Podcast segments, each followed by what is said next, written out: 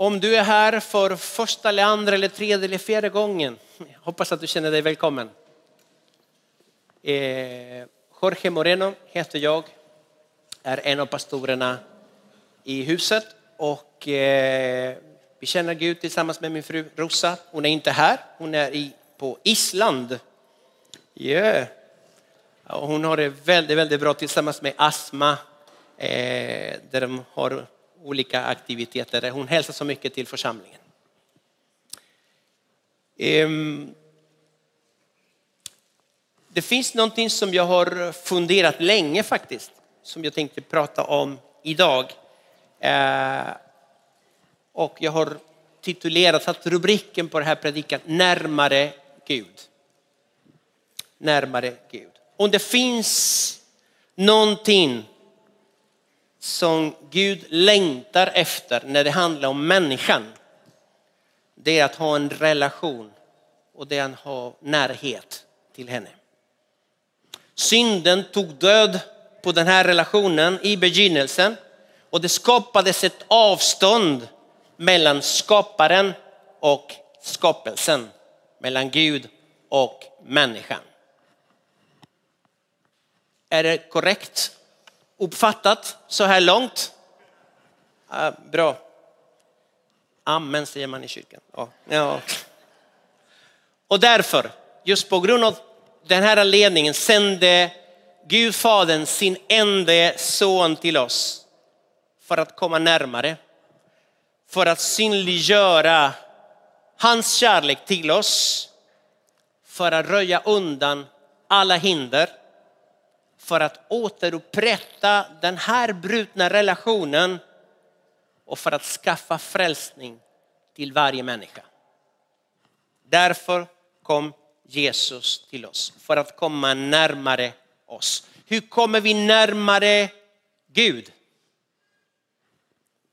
Bra att du frågade. Genom att komma i kontakt med hans tankar, med hans planer. Och det gör vi genom att komma närmare Bibeln. Du kan inte komma närmare Gud utan att komma närmare Bibeln. Och därför är det så viktigt att inte bara läsa den då och då utan att, att älska den. Att ha sin glädje, sin lust och sitt begär i Herrens undervisning. Då blir man som ett träd planterade vid vattenbäckar. Är det många då blir det en skog. Ja, en skog nära vattnet som ger frukt till en värld som hungrar. Som ger skydd till en värld som känner sig hopplös. Som ger skugga till de som har det svårt. Det är menat så att vi ska vara. Och därför vi har eh, några kurser här i, yeah, vilken koppling. Eh, för dig som, du, du som längtar efter att veta mer om vem Jesus är. Då har vi här Maria och Pelle som leder Alfa. Tack. Vi tror att det finns du här som kanske har sökt frågor, liksom svar på dina frågor. Du undrar vad är meningen med livet? Du har sökt överallt och du har kanske inte hittat det där än. Vi tror också att det finns du här som precis fått möta Jesus och vill veta mer och vill lära, lära dig mer. Vi tror också att det finns du här som har varit kristen länge som eh, inte har gått, en alf, gått alfa. Alla, alla, alla vill vi hälsa varmt välkomna till eh, vårens alfa här i Citykyrkan. Vi börjar den 7 mars. Och det är så här att när du kommer hit, de här tio tisdagarna ungefär, tisdagskvällarna, så kommer du att få möta en varm, öppen atmosfär. Och där, hit får du komma med alla dina tankar, dina tvivel, dina funderingar. Och vi vill lyssna på dig. Vi vill lyssna på dig. Och när du kommer så kommer du att få höra grunderna i kristen tro utifrån kyrkans perspektiv. Och eh, Sen så kommer du få hitta många nya vänner, en varm gemenskap. Så det kommer att ske. Och det är så här att det var flera som sa det här under hösten. Det var många som sa att jag hade ingen aning om att Alfa var så här. Det här måste ju alla veta om. Och det är faktiskt sant. Det finns mycket detaljer men eh, vi tar, vi tar den här inbjudan så här och så ska bara Pelle få säga det sista här. Precis, vi kommer att stå längst bak här efter gudstjänsten om ni har några fler frågor, detaljer. Och eh, sen så får ni gärna gå in och anmäla er på cks.se. Så varmt välkomna bak och prata med oss.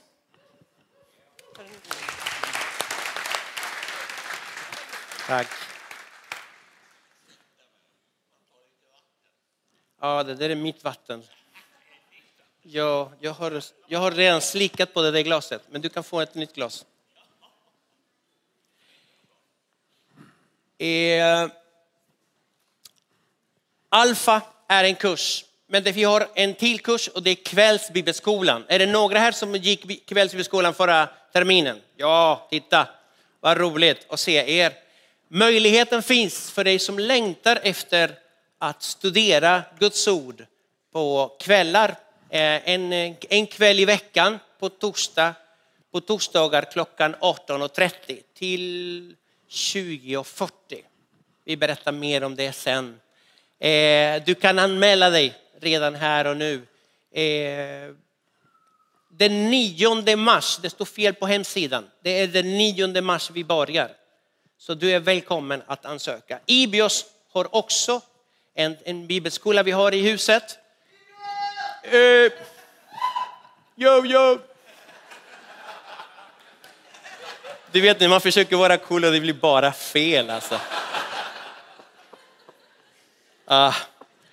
Eh, Ibios, ett år, heltid, läser man Bibeln, man förankrar sitt liv i det som står i Guds ord.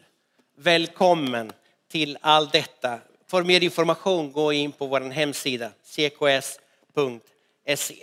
Hur kan jag komma närmare Gud? Genom att komma närmare hans ord, Guds ord. Jag kan komma närmare hans hjärta. Hur gör jag det? Genom att kommunicera med honom genom bön. Bön är inte framförallt ett medel för att få som jag vill. Utan bön är ett medel för att ha ett samtal, en dialog och en, konver en konversation med min skapare. Välkommen till våra bönemöten. Tisdagar klockan 11 och tisdag klockan 18. Nu känns det som att jag gör massa reklam här. Eh, hur kan jag komma närmare Gud? Genom att komma närmare hans närvaro. Och hur gör vi det? Genom tillbedjan. Och tillbedjan handlar inte om sångerna egentligen.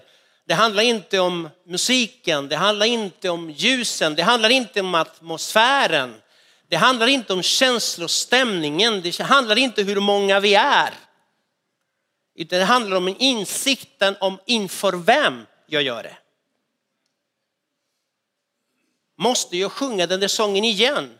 Måste jag stå? Måste jag räcka upp händerna? Du måste ingenting. Men när man fattar att det är inför Gud jag gör det, då händer det någonting med mig.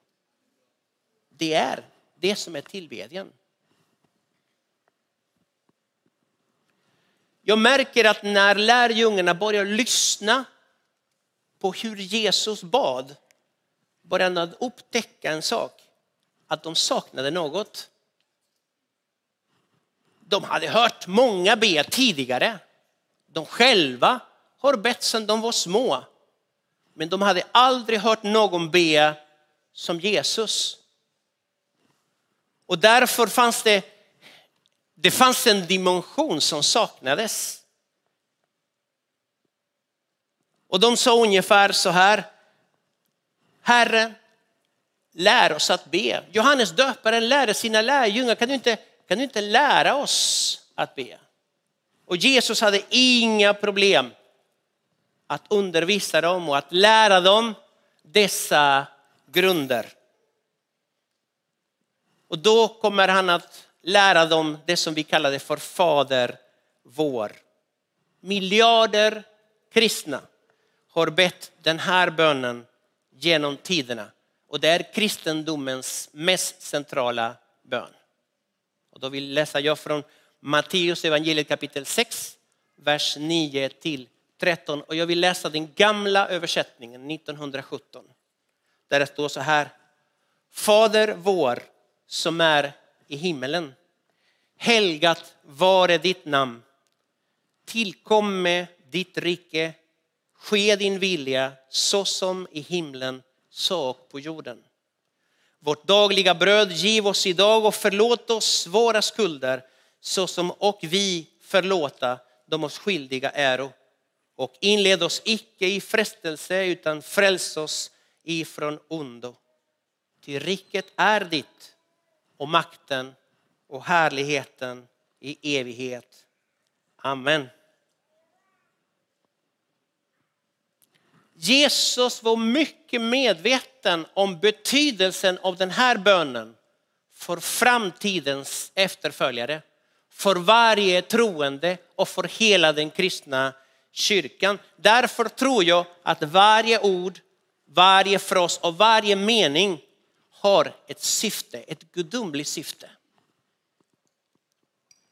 Herrens bön som det kallas också. Det kan bli en religiös grej. Något man upprepar lite slentrian med tro att kanske man blir bönhört om man upprepar det många gånger. Det här bönen var aldrig tänkt att bli en eh, färdig produkt utan mer som en modell där det finns andliga principer som är viktiga för varje troende att kunna. Jag vet inte ni, men jag har kämpat länge med just det här, till riket är ditt och makten och härligheten i evighet. Amen. För att den finns inte i originalspråket. I gamla manuskripten, de har inte hittat det. Men det är just det här som kallas för doxologi i Fader vår. Tillbedjan, hyllningen i själva bönen. I våra biblar finns inte i texten, men ibland kan det finnas någon liten, eh, den är angivs, eh, anges som någon slags fotnot eller någon kommentar längst ner i bibeln. Bland klamrar. Ja, som säger det här tillhör inte originaltexten. Och de flesta bibelforskare är ense om att det ingår inte i originaltexten och därför har jag undrat mig varför i all sin dag ber vi så här hela tiden när det inte ens i bibeln. Det här är inte biblisk. Precis. Men då började jag titta lite grann på hur var doxologin i gamla testamentet? Hur var hyllningen när, när folk bad? Hur var det? Och jag märker också en sak att i varje bön som du hittar i gamla testamentet finns alltid en doxologi där man lyfter, där man lyfter Jesus, där man lyfter Gud, Guds namn. Och jag tänkte till exempel på Mose när han tar sig över på andra sidan Röda havet och han ber till Gud. Han säger ungefär så här, och Herren ska alltid regera för evigt. Miriam som börjar dansa och plocka fram tamburin och börjar sjunga tillsammans med många andra. Då säger hon ungefär så här, lovsjung Herren, till högt är han upphöjd. Hanna, när hon fick sin efterlängtade son Samuel, hon säger så här, mitt hjärta fröjdar sig i Herren. Ingen är helig som Herren. Ingen finns utom dig. Ingen klippa är som vår Gud. När kung David börjar samla material till templet i Jerusalem. Han säger så här. Dig Herre tillhör storhet och makt, härlighet och glans och majestät. Allt som finns i himlen och på jorden. Ditt, o Herre, är riket och du har upphöjt dig till ett huvud över allt. Hans salmer är fyllda av hyllning och doxologi och tillbedjan till Herren. hans son Salomo, efter att han har invigt templet, han säger, men kan då Gud verkligen bo bland människorna på jorden? Se, himlarna och himlarnas himmel rymmer det inte. Hur mycket mindre då detta hus som jag har byggt? Nehemja, han ber innan han ska möta kungen för att be honom om han kunde åka till Israel och återbygga Jerusalems murar. Och han säger, Åh Herre, himmelens Gud, du store och fruktansvärde Gud, du store som håller fast vid förbundet och ger nåd åt dem som älskar dig och håller dina bud. Jag blev lite impad av en bön och det var Nebukadnessar som upplevde också Gud. Och han säger så här, då lovade jag den högste. Jag prisade och ärade honom som lever i evighet.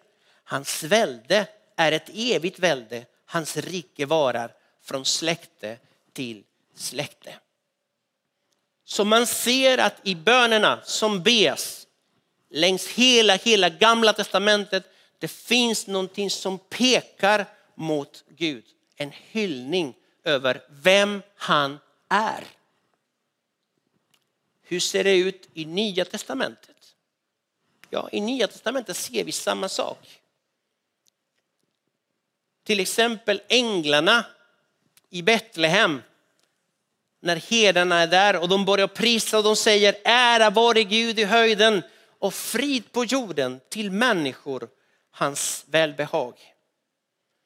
Och när Maria får veta att hon ska bli mamma till Messias, då säger hon min själ prisar Herren och min ande glädjer sig i Gud, min frälsare. Stora ting har den mäktige gjort med mig och heligt är hans namn. Hans varmhärtighet varar från släkte till släkte över dem som fruktar honom. Jag har många bibeltexter här. Jag tänkte liksom, ni ska inte få dem där. Men jag kommer att bara kasta ut en hel del saker här. Framförallt för att vi ska lägga märke till hur apostlarna skriver i sina brev. Eh, till exempel Petrus i slutet av första, sitt första brev, han säger så här. Hans är äran och makten i evigheternas evigheter. Amen. I slutet också av det brevet säger han, hans är makten i evighet. Amen. Och i sitt andra brev skriver han, hans är äran nu och till evighetens dag. Amen. Och Paulus är inte mindre. Han säger så här i Romarbrevet, i slutet av Romarbrevet. Honom tillhör äran i evigheter. Amen. Galaterbrevet. Honom tillhör äran i evigheternas evigheter. Amen. I Efesierbrevet. Honom tillhör äran i församlingen och i Kristus Jesus genom alla släktled i evigheternas evighet. Amen. Och i Filipperbrevet. Vår Gud och far tillhör äran i evigheternas evighet. Amen. Och i första Timoteusbrevet står så här. Evigheternas konung, den oförgänglige, osynlige, ende guden. Honom vare ära och pris i evigheternas evigheter. Amen. Och sen står samma brev. Som den salige ende härskaren ska låta oss få se när tiden är inne. Han är konungarnas konung och herrarnas herre. Han som ensam är odödlig och bor i ett ljus dit ingen kan komma och som ingen människa har sett eller kan se. Honom tillhör ära och evig makt. Amen. Författaren i Hebreerbrevet står i slutet. Honom tillhör äran i evigheternas evigheter. Amen. Och Judas skriver så här. Den enda guden, vår frälsare genom Jesus Kristus, vår Herre. Honom tillhör ära och majestät, välde och makt före alltid, nu och i all evighet. Amen. Och aposteln Johannes säger så här. Och från Jesus Kristus, det trovärdiga vittnet, den förstfödde ifrån de döda och härskaren över jordens kungar. Han som älskar oss och som friköpt oss från våra synder med sitt blod och som har gjort oss till ett kungadöme, till präster åt sin Gud och fader. Honom tillhör äran och makten i evigheternas evigheter. Amen. Det här är apostlarnas sätt att avsluta sina brev. Så vi ser i gamla testamentet hur författarna hyllar Gud, eller när de ber, hur de hyllar Gud. Men vi ser också hur apostlarna gör det också. Det är mycket troligt att Fader vår blev inte bara en bön för urförsamlingen utan en del av själva liturgin, själva gudstjänsten. Man hade alltid närvarande på något sätt. Det kan ha blivit någon tradition, men när vi förstår det vad vi säger, när vi säger Fader vår, när vi förstår det, jag tror att det finns otroliga proklamationer där som är viktiga för var och en av oss. Det är mycket troligt att den första kyrkan vill inte avsluta bönen med saker som hade med Satan att göra eller med frestelserna att göra. För att det är inte Satan som har det sista ordet, utan Jesus som besegrade allt som gick att besegra på korset. Vilken seger mina vänner! Det sista ordet är alltid Jesus och inte Satans. Döden har inte det sista ordet, utan det är Jesus som är livet och uppståndelsen. Synden har inte det sista ordet, utan Jesus som förlåter alla våra misstag och orättfärdigheter. Vi är inte ämnade att leva i skuld och skam utan i upprättelse med ny identitet. Vi är förlåtna av nåd. Utanförskap, främlingskap och avstånd har inte det sista ordet, utan Jesus som kallar oss till en djupare gemenskap med honom. Han välkomnar oss och säger kom närmare mina söner och döttrar. Nu tillhör vi hans familj. Det finns en samklang mellan doxologin i Fader vår med det vi läste om bönerna i Gamla Testamentet, men också hur apostlarna avslutar sina brev. Och du undrar kanske när börjar de kristna att använda sig av just den här doxologin in i Fader vår? Jättebra du frågade.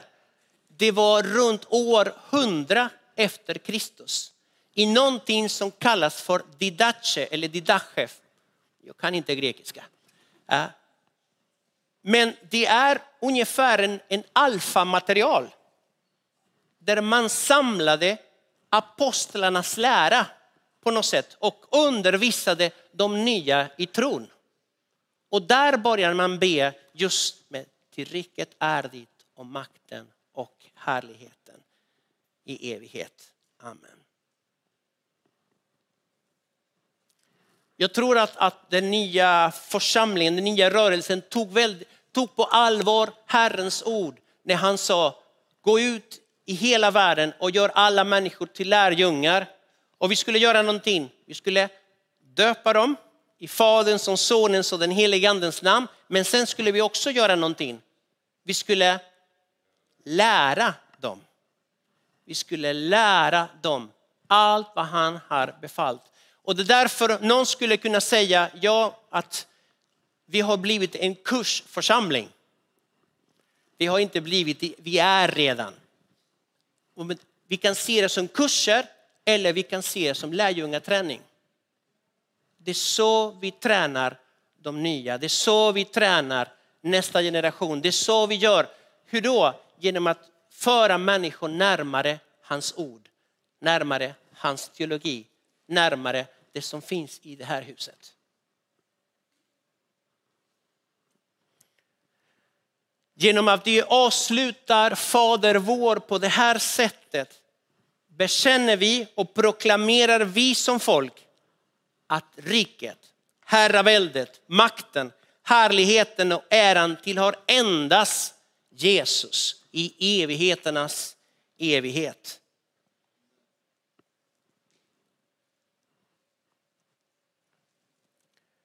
Vi har tagit doxologin i Gamla Testamentet, i Nya Testamentet. Jag skulle vilja ta er till doxologin i himlen.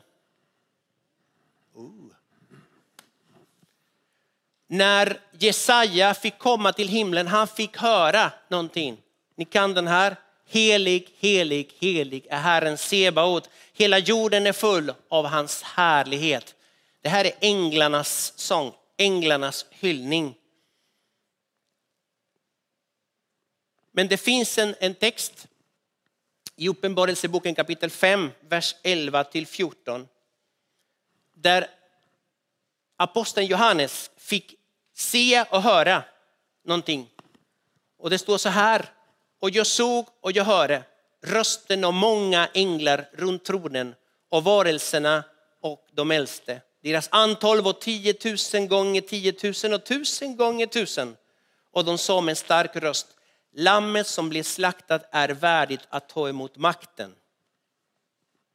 Rikedomen och vissheten, kraften och äran, härligheten och lovsången. Och allt skapat i himlen och på jorden och under jorden och på havet och allt som finns i dem hör jag säga.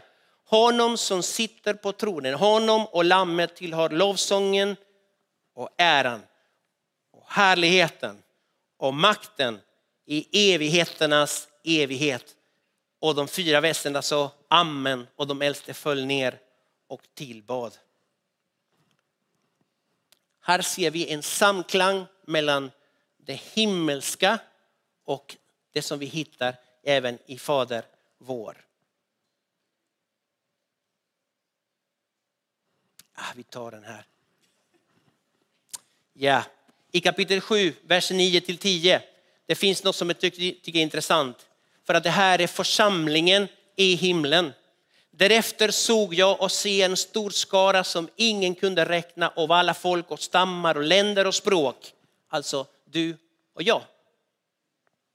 De stod, lägg märke till det där, de stod inför tronen och inför lammet klädda i vita kläder och med palmblad i sina händer och de ropade med stark röst, frälsningen tillhör vår Gud som sitter på tronen och lammet. Och nu kommer det. Och alla änglar stod runt tronen och de äldste och de fyra västländerna och de föll ner på sina ansikten inför tronen och tillbad Gud och sa amen. Vad sa de amen till? De sa amen till det församlingen hade tillbett. Det de hade proklamerat. Amen. Församlingen stod medan hela den himmelska skaran föll ner inför församlingens proklamation. Lovsången, härligheten, vissheten och tacksägelsen, äran, makten och kraften tillhör vår Gud i evigheternas evighet. Amen. Och det jag ser mina vänner är att avslutningen på Fader vår, även om du inte står i Språket, det är församlingens svar till Herrens bön. Herrens bön det är inte bara Herrens, det är också vår bön. Till vår, vår Gud. Och på något sätt det är en fantastisk proklamation. Varje gång du ber Fader vår, det är vår tillbedjan. Och detta kommer vi att göra, inte bara här och nu. Inte bara om ett år eller tio år, utan det kommer vi att göra i all evighet. Så därför, jag tror att det är viktigt att vi, eh, när vi ber Fader vår, att vi vet vad vi gör. Kan vi göra så här att vi ställer oss upp?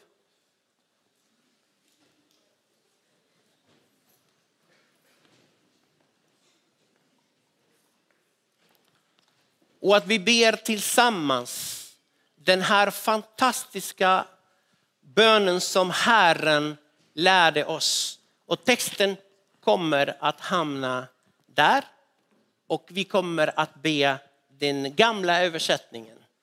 Fader vår. Kan vi säga det tillsammans? Fader vår som är i himlen. Helgat vare ditt namn. Tillkomme ditt rike. Din vilja. Så som i himlen, så på jorden. Vårt dagliga bröd giv oss idag och förlåt oss våra skulder så vi förlåta de oss skyldiga äro. Och inled oss icke i frestelse utan fräls oss ifrån ondo. Till riket är ditt och makten och härligheten i evighet. Amen. Kan vi be tillsammans? Herre Jesus, låt våra liv bli en lovsång till dig, bli en tillbedjan till dig. Oberoende vad vi går igenom. Vi tackar dig min Gud för att du är den du är i alla livets omständigheter. Hjälp oss min Gud att fästa vår blick inte på det som är framför våra fötter utan på det som är i himlen. Tack min Gud för den verkligheten min Gud. Tack för att du kallar oss närmare och närmare och närmare. Hjälp oss min Gud att säga amen varje gång du kallar. Och hjälp oss att leva på ett sätt min Gud att andra människor ser och det de ser det är dig i våra liv. Vi ber så i Jesu underbara namn. Amen. Låt oss prisa Herren.